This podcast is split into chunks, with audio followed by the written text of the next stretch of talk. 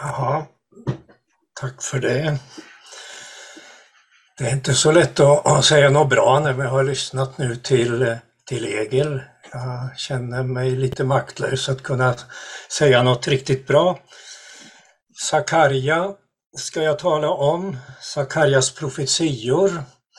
Nu vet jag inte om jag hörs, men jag tror det. Om, titta på er här, om, om ni nickar lite då ser jag att det hörs. Ja, vad bra. Sakarjas profetior har jag valt att tala om och det är profetior som många inte har så lätt att eh, förstå. Det är inte så ovanligt att man spekulerar och tolkar Sakarjas profetior lite hur som helst. Så därför ska jag försöka att ge lite riktlinjer som kanske kan vara till hjälp för att eh, bättre kunna förstå vad Sakarja är ute efter. Vi måste för att kunna förstå alla profetböcker och också Sakarja lägga märke till vad är bakgrunden? Varför har Herren sänt profeterna Sakarja och Haggai just 520 före Kristus för att förkunna för den kvarleva av Israel som fanns i, hade förts bort i fångenskap och som hade enligt löftet nu, löftet om att få återvända, också eh, hade återvänt. Varför sänder Herren dessa profeter till folket? Jo, bakgrunden det är missmod, det är misströstan, det är modlöshet på grund av mycket motstånd och förföljelse. Eh, ledarna för den grupp som, som fick återvända i och med Korers Kores edikt år 539 f.Kr. Det var Serubabel och så var det översteprästen Josua, Jehoshua på hebreiska, eller också som Estra kallar honom, Jeshua, vilket är precis samma namn som Jesus på latin, Jesus på grekiska. Dessa båda, Serubabel och Josua, ledde folket tillbaka och de kom till Jerusalem 537 och året efter så kunde de eh, börja eh, de kunde börja att lägga templets grund igen. Det var deras uppgift att templet måste byggas upp och det arbetet skulle de leda. Och varför var det så viktigt? Ja, vi vet av skriften att templet, det handlar om försoningen av våra synder. Templet är själva centrum för att kunna vara Guds folk. Utan att våra synder försonas så finns det ingen frälsning. Och i, vid templet så skedde då, vilket förebildade uppfyllelsen med Kristus och hans försoningsoffer så offrades en rad djur till försoning för våra synder. Det var skuldoffer och det var eh, syndoffer och det var brännoffer och det var gemenskapsoffer. Och detta var eh, helt grundläggande. Men nu fanns inget tempel. Nu hade till slut domen kommit över folket. Gud hade väntat och väntat när domen såg ut att komma redan 701 när assyrierna invaderade så skonade eh, Gud än en gång Jerusalem och templet. Mot all förmodan så kunde inte Sanherib som hade krossat det ena folket efter det andra, kunde han inte inta Jerusalem och förstöra templet. Större delen av armén, 185 000 man, dödades under natten strax före eh, att de skulle dra in i staden och bränna den. Och Sanherib fick med resten av armén tåga tillbaka till sitt land. Men folket fortsatte i otro mot Gud och i hånfullhet mot eh, profeterna. Den som drabbades eh, allra mest var kanske Jeremia som han försökte döda flera gånger. Och till slut så måste domen komma och då kommer den med ett annat eh, eh vredesredskap som Gud utväljer, nämligen den kaldeiske fursten Nabukadurosor eller Nebukadnessar som kommer att inta staden och i omgångar föra bort folket i fångenskap och staden bränns ner. Templet förstörs år 587 före Kristus den 14 augusti. Och då hände det som Gud hade förutsagt flera gånger, att folket förs bort i babylonisk fångenskap. Men Gud vill ingen syndares död. Och han lovar att efter 70 år ska de få återvända. Och det, hade, det löftet hade nu gått till fullbordan och folket kom tillbaka. Och då kan man ju tycka att det är underligt att det är misströstan och missmod. Det borde ju vara jubel och glädje att Gud visar sig än en gång tala sanning. Han håller sina löften. Men så var inte fallet. Nej, man kunde inte fortsätta eh, byggandet av templet. Man upphörde redan efter ett år och så låg då templet öde igen från 536 till 520. Och det är då som Herren sänder eh, Sakarja och Hagai till folket. Och syftet är alltså att motivera dem igen att fortsätta bygget, att återuppta uppbyggnaden av, av Herrens tempel. Och för att då klargöra och hjälpa folket eh, eh att göra detta, ge den, den sanna trösten, så ges mycket undervisning om den sanna frälsningen och det ges eh, undervisning om vem Gud verkligen är. Behöver de frukta motståndarna? Behöver de vara så missmodiga och rädda? Och då kommer först eh, en undervisning via eh, sju syner. Jag ska strax förklara varför jag säger sju syner och inte åtta syner. Och det är de här synerna som framför allt eh, många har problem att förstå. Och det kan jag också tycka att det finns mycket i synerna eh, som är svårt. Men inte bara jag tycker det, det tyckte också Sakarja. Gång på gång så frågar han, Herre, vad betyder det? Herre, vad menas med det? Herre, vad betyder det? Hela tiden så frågar han. Och av detta lär vi oss att när vi inte förstår så ska vi vända oss till Herren och hans ord. Och det är en grundregel att när något verkar väldigt svårt att förstå så se på sammanhanget och se på andra bibelställen som berör samma ämne. Eh, hela Guds ord, alla profetiorna i hela Gamla testamentet har beröringspunkter med varandra och se efter vad som talas om samma ämne så får du hjälp ifrån Herren, precis som Sakarja fick det. Och nu kan jag ju inte gå in igenom texten här igen, det är inte meningen, utan jag ger lite sammanfattningar och riktlinjer kring eh, de olika avsnitten.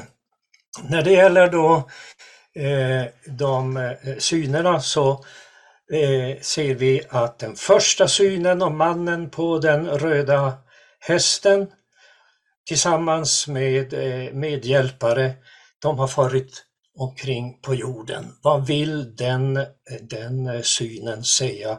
Jo, att Herren tillsammans med änglarna och sina medtjänare har full kontroll över allt som sker.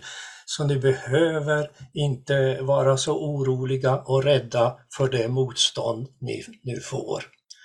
Och den andra synen om de fyra hornen och smederna den säger oss, du behöver inte frukta hornen. Och vad menas med hornen? Jo, det är alltså mäktiga världsmakter, fientliga eh, världsmakter som synes ha all möjlighet att, att krossa oss.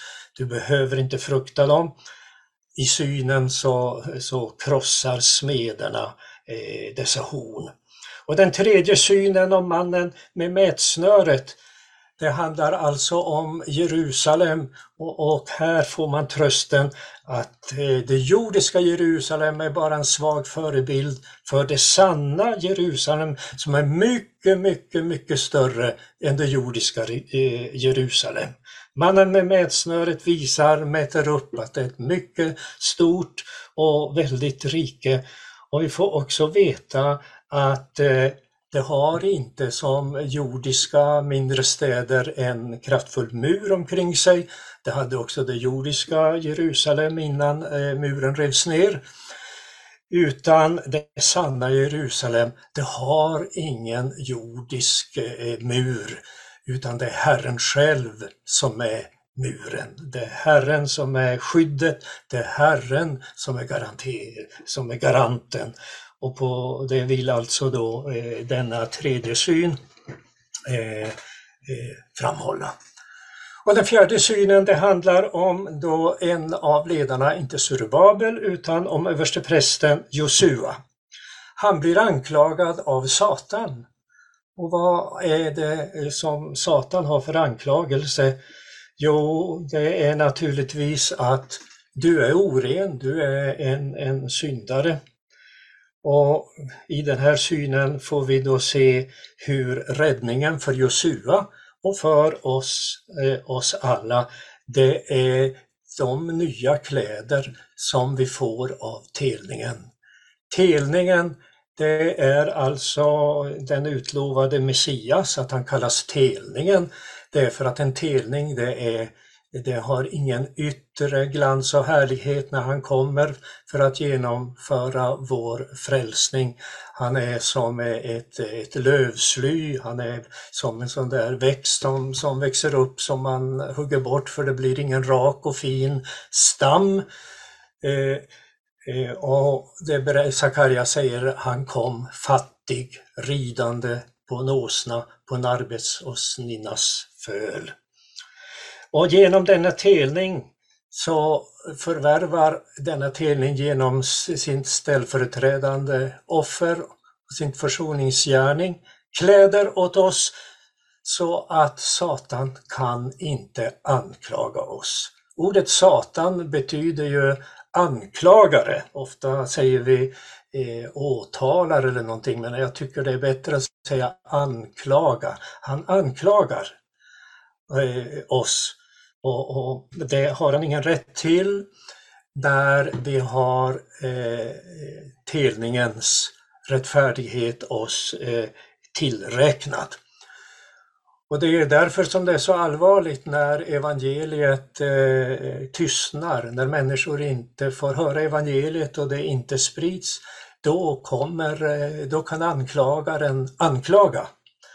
Och det är som det står i Uppenbarelseboken att då sliter sig eh, eh, Satan lös.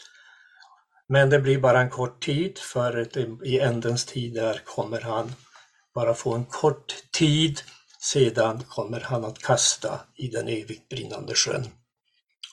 Ja, den eh, femte synen om ljusstaken och de två olivträden då är det två olivträden, det är de smorda Serubabel och, och Josua. Och de får eh, oljan och livet från ljusstaken och ljusstaken är alltså Herren Kristus eller eh, Messias. Så vilken tröst! Varför vara missmodig? Och den eh, sjätte synen den, eh, jag ser den som en syn, den flygande bokrullen kvinnan i, i tunnan. Om man, om man delar upp då, om man säger syn 6 är den flygande bokrullen då, och, och syn 7 är, är kvinnan i tunnan, då blir det ju åtta syner. Men enligt min mening som hör de här båda sakerna så nära intimt samman att jag kallar det för, för då syn 6. Och det handlar alltså om den flygande bokrullen att Guds fiender kan inte bestå inför Guds, Guds helighet. Den här flygande bokrullen den innehåller de tio, de tio orden, alltså lagen. Och den är, och det kanske ni inte har tänkt på, att den är precis så stor som det heliga i templet, och precis samma mått. Och det är ju en poäng, en symbolik i, i detta. Ingen kunde komma in i templet utan försoningen. Och, och här kom, vill man ju inte veta av eh, eh, försoningen när man vänder Herren och hans ord eh, eh, ryggen och inför Guds helighet kan man inte bestå. Då kommer domen. Och kvinnan i tunnan, det är då en symbol för det som är orsaken till all synd. Alltså, eh, eh eller till, till allt uppror mot Gud och det är alltså synden som är det. Och så slutligen då den sjunde synen, de fyra vagnarna. Det har en anknytning till den, den första, första syden och det handlar då om att eh, Guds domsuppdrag kommer att eh, utföras. Så inga fiender kommer undan. Det här är alltså ord som vill ta bort misströstan och missmod och, och motivera Serubabel och Josua att fullfölja ledningen av uppbyggandet av, av templet. Och när det står där allra sist eh, en mening som kan vara svår att förstå kanske, min ande ska finna ro i Nordlandet, kapitel 6, vers 8. Ja, vad, vad, vad kan det betyda? Ja, Nordlandet var ärkefienden eh, i, i, under hela Israels historia och framförallt nu. Och det var alltså Babels, det babyloniska riket eh, som är, då eh, representant för, för och drivs av, av eh, Satan. Och det ska inte kunna fullfölja sin fiendskap. Så min ande ska finna ro i Nordlandet, det vill säga det ska bli slut på upproriskhet därifrån. Oro ska tas bort. Det ska bli oro istället. Och så ser vi hur hela boken hänger, i, hänger ihop så att när eh, Sakarja har fått de här synerna så, så blir då slutsatsen alltså fullfölj detta med att bygga upp eh, Herrens tempel. Eh, och eh, det är i anslutning till att det har kommit tre män från den förskingrade skaran i, i fångenskapen. De har kommit till profeterna och har med sig gåvor.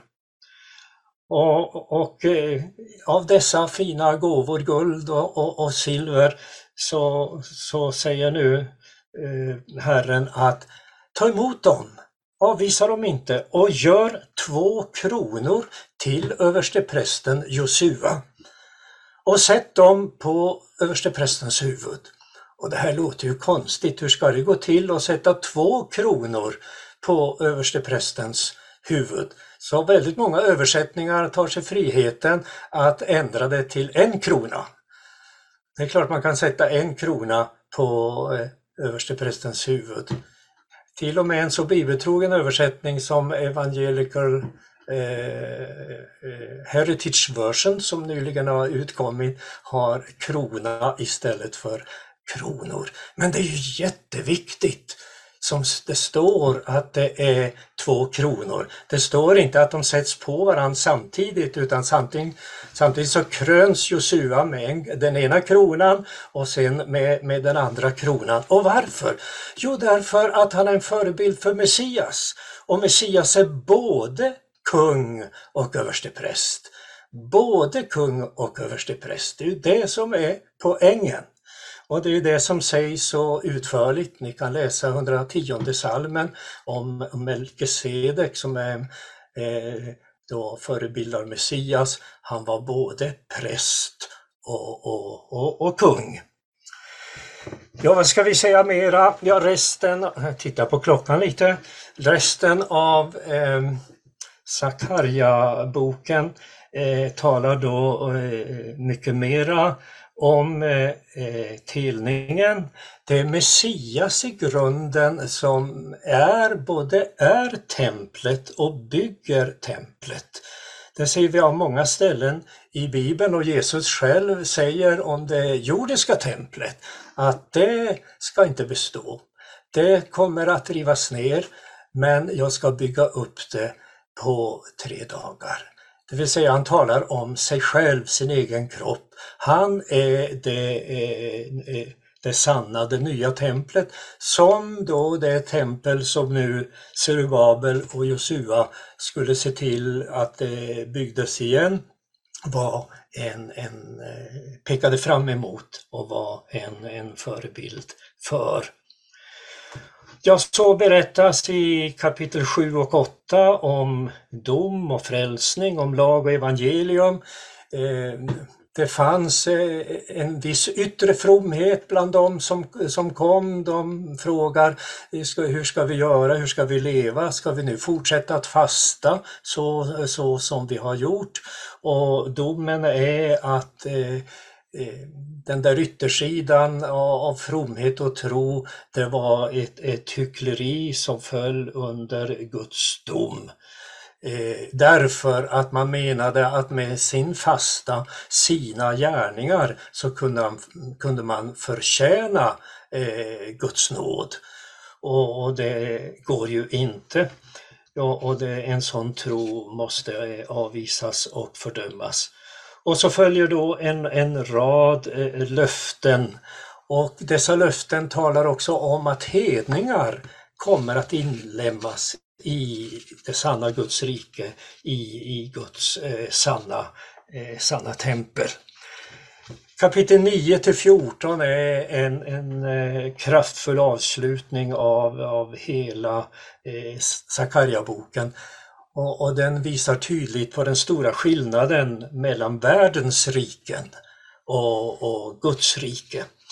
Och det är inte alla som, som gör denna skillnad och det kan bero på att, att profeterna använder en rad eh, skuggbilder för eh, det andliga, Guds eh, sanna rike.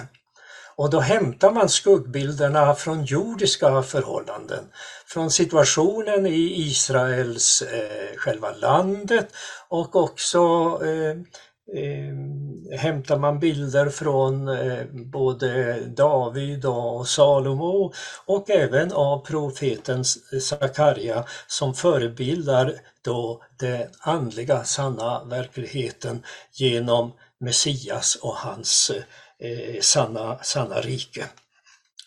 Så att förstå profetens språkbruk Eh, att när han använder konkreta jordiska bilder så handlar det inte om eh, politik och, och, och jordiska eh, förhållanden utan det är jämförelser för att vi ska fatta och förstå vad den sanna friden och det sanna riket eh, och den sanna välsignelsen vad, vad, det, är, vad det innebär.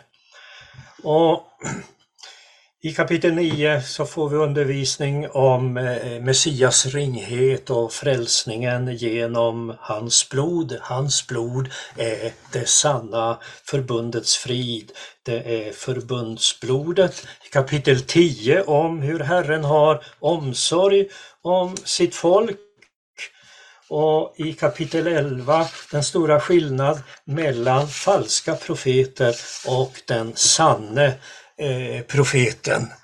Och så 12 och 13 där de börjar med att det blir ett, eh, Egil också talade om, ett slutangrepp från fienderna. Ett, ett sista försök att krossa eh, Guds rike och det ska icke lyckas.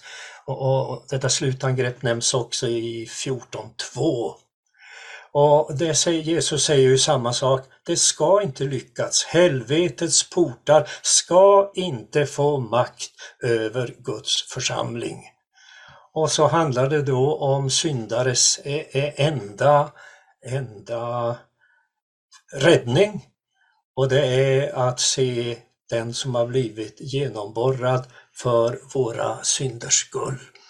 Och tror man då att det, jaha, det kommer nog alla att förstå. Ja, det borde alla förstå, men det är bara en liten kvarleva.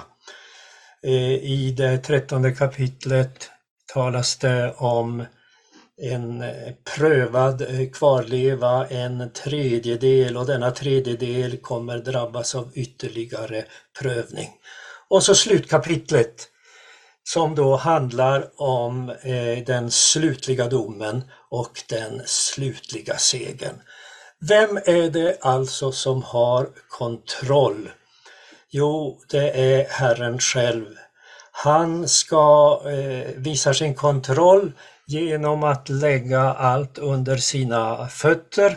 Han kommer att stå på, kommer tillbaka och stå på Olivberget. Och varför Olivberget?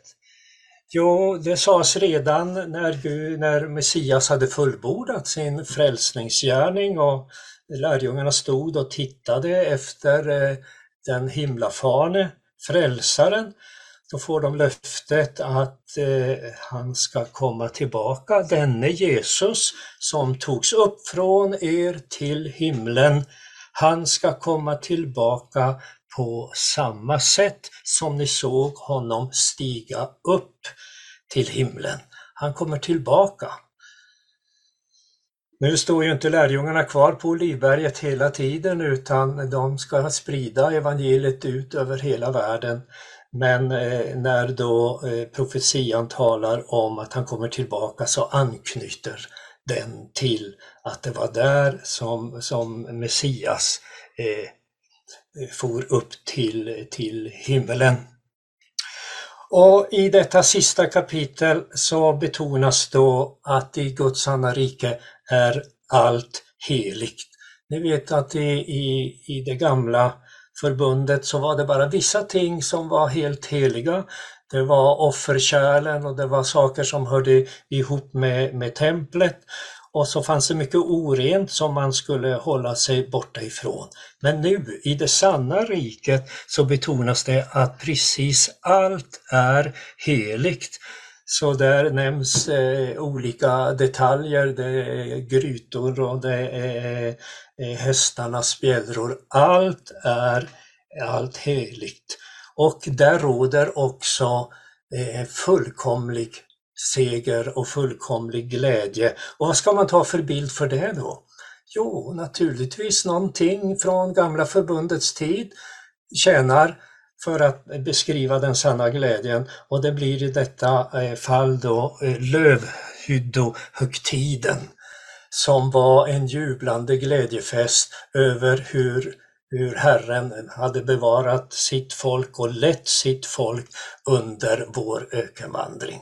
Så tiden här i det jordiska är en ökenvandring, men den ska få e- ett slut i en himmelsk glädje och där finns inte längre någon synd och någon ohelighet.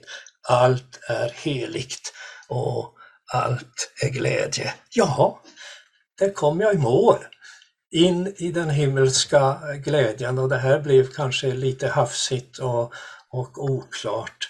Men eh, ett litet kort vittnesbörd från mig om Sakarja. Vill man läsa noggrannare så kan man ju om man så vill läsa min bok Profeten Sakarja och hans bok. Där finns då mera detaljer om, om varje vers i Sakarja-boken.